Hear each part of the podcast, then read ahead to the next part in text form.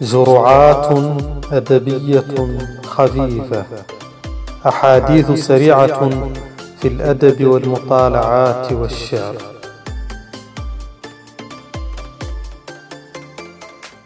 السلام عليكم ورحمة الله وبركاته. مرحبا بكم في حلقة جديدة من هذه الجرعات الأدبية الخفيفة. تناولنا في الحلقة الماضية الدكتور طه حسين وما زلنا مواصلين مع تلك المدرسة وتلك الحقبة. اليوم نتناول الأديب إبراهيم عبد القادر المازني. قرأت له كتابين فقط هما حصاد الهشيم وكان مجموعة مقالات متفرقة مرة عن الأدب مرة عن الحياة مرة عن ما يجري عن السيرة الذاتية أصدام سيرته الذاتية وقراءاته. كان ككل كتاب هذه المرحلة يتميز بلغته الجزلة بمفرداته آه، الفصيحة. الكتاب الثاني هو المهم وهو الذي أثار ضجة كبيرة وهو لم يكن هو وحده فيه. كان معه شكري و... والعقاد وما يسمى مدرسة الديوان. والكتاب هذا الديوان كان هجوما شرسا على شعراء تلك المرحلة أو ما يسمون بالكلاسيكيين. من أمثال شوقي والبارودي وحافظ. وكان هجوما على شوقي بالتحديد. ففي هذا الكتاب بشروا بقدوم ما يسمى بالمدرسة الرومانسية وهي المتأثرة بالمنهج الغربي في هذا المجال. وشنعوا على شوقي خصوصا في قضية قصيدتي التي التي جار بها مرثية بالعلاء المعري الرائعة. التي تناولناها أيضا في سلسلة أدبيات لمن فاتته يمكن أن يجدها هنا. آه، سلسلة أدبيات في الحلقة الثالثة عشرة.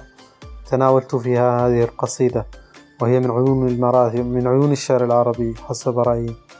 آه، غير مجد في ملتي واعتقادي نوح باك ولا ترنم شادي. آه، طبعا يقول يقول شوقي قصيدة على هذا المنوال لا أذكر آه، بدايتها أو أنه كل كل حي على المنية غالي أو شيء من هذا القبيل المهم أن هذه القصيدة شنعوا فيها عليه شنعوا شنعوا عليه فيها جدا وقاموا بمقارنة ليست عادلة بينها وبين قصيدة المعري حسب أيضا آه، عموما المازني يمثل هذه المدرسة وكذلك العلامة محمود شاكر.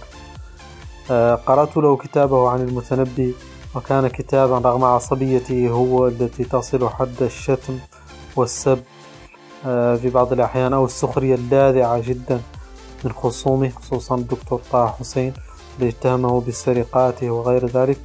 طبعا محمود شاكر لغوي كبير جدا ولكنه حاد الطبع جدا ويظهر ذلك في كتبه آه، خصوصا في هذا الكتاب. الكتاب هو استعراض لنظرته ولنظريته عن المتنبي التي ملخصها أن المتنبي من عائلة من الأشراف العلويين وكان يكتم نسبه لهذا السبب آه، لأن العلويين كانوا مطلوبين من تلك الدولة وطبعا يأتي بشواهد كثيرة من شعر المتنبي الذي أغلب شعره هو تشنيع على الأعاجم وبكاء على مجد العرب الضائع وأن العجم يملكون يملكون الدولة الإسلامية وخور الخلفاء وعجزهم وتحكم البويهيين والتنوخيين آه، والإخشيد وغيرهم من الأعاجم في مفاصل الدولة.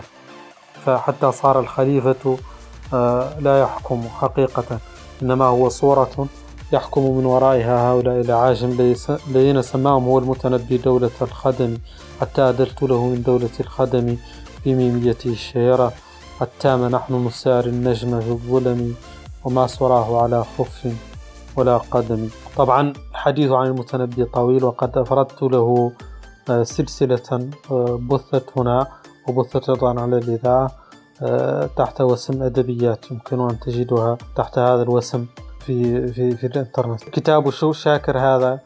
أعتقد أنه كتاب متعصب للمتنبي. أنا لا أنكر ذلك أنه تعصب له. في كثير من الأحيان. ولكنه أيضا أنصفه في أماكن أخرى كثيرة. آه، هذه أهم قراءات النثرية في هذه المرحلة. تكلمنا عن طه حسين عن المازني عن العقاد. وفي الجانب الشعري قرأت آه، طبعا الشوقي كثيرا وأعجبني جدا. ولكن عند قراءتي له أجد دائما أمامي ذلك المثل المتمثل في المتنبي. أو أبي تمام. وهؤلاء الفحول أجدهم دائما في الشعر الشوقي وكأن طبعا في أحايين كثيرة كان هو نفسه يقوم بمعارضة معارضة واضحة. ولكن حتى قصائده الطوال التي ليست معارضة واضحة لقصيدة معينة أجد فيها المتنبي وأجد فيها أبا تمام والبحتري. هذا الثلاثي بالخصوص. أي رأي هذا رأيي الشخصي في هذا الموضوع؟ بالنسبة لحافظ لم أقرأ له كثيرا وليس عندي ديوانه. كان عندي ديوان الشوقيات وفتنت بكثير من أشعاره. أعتقد أنه بعث الشعر العربي مع البارودي وأنه كان وأنه رقم صعب في هذا المجال. هذا ما أتاح لنا الوقت. الحديث الشجون وممتع. في انتظار تعليقاتكم واقتراحاتكم وملاحظاتكم على هذه الحلقات. شكرا لكم. والسلام عليكم ورحمة الله وبركاته.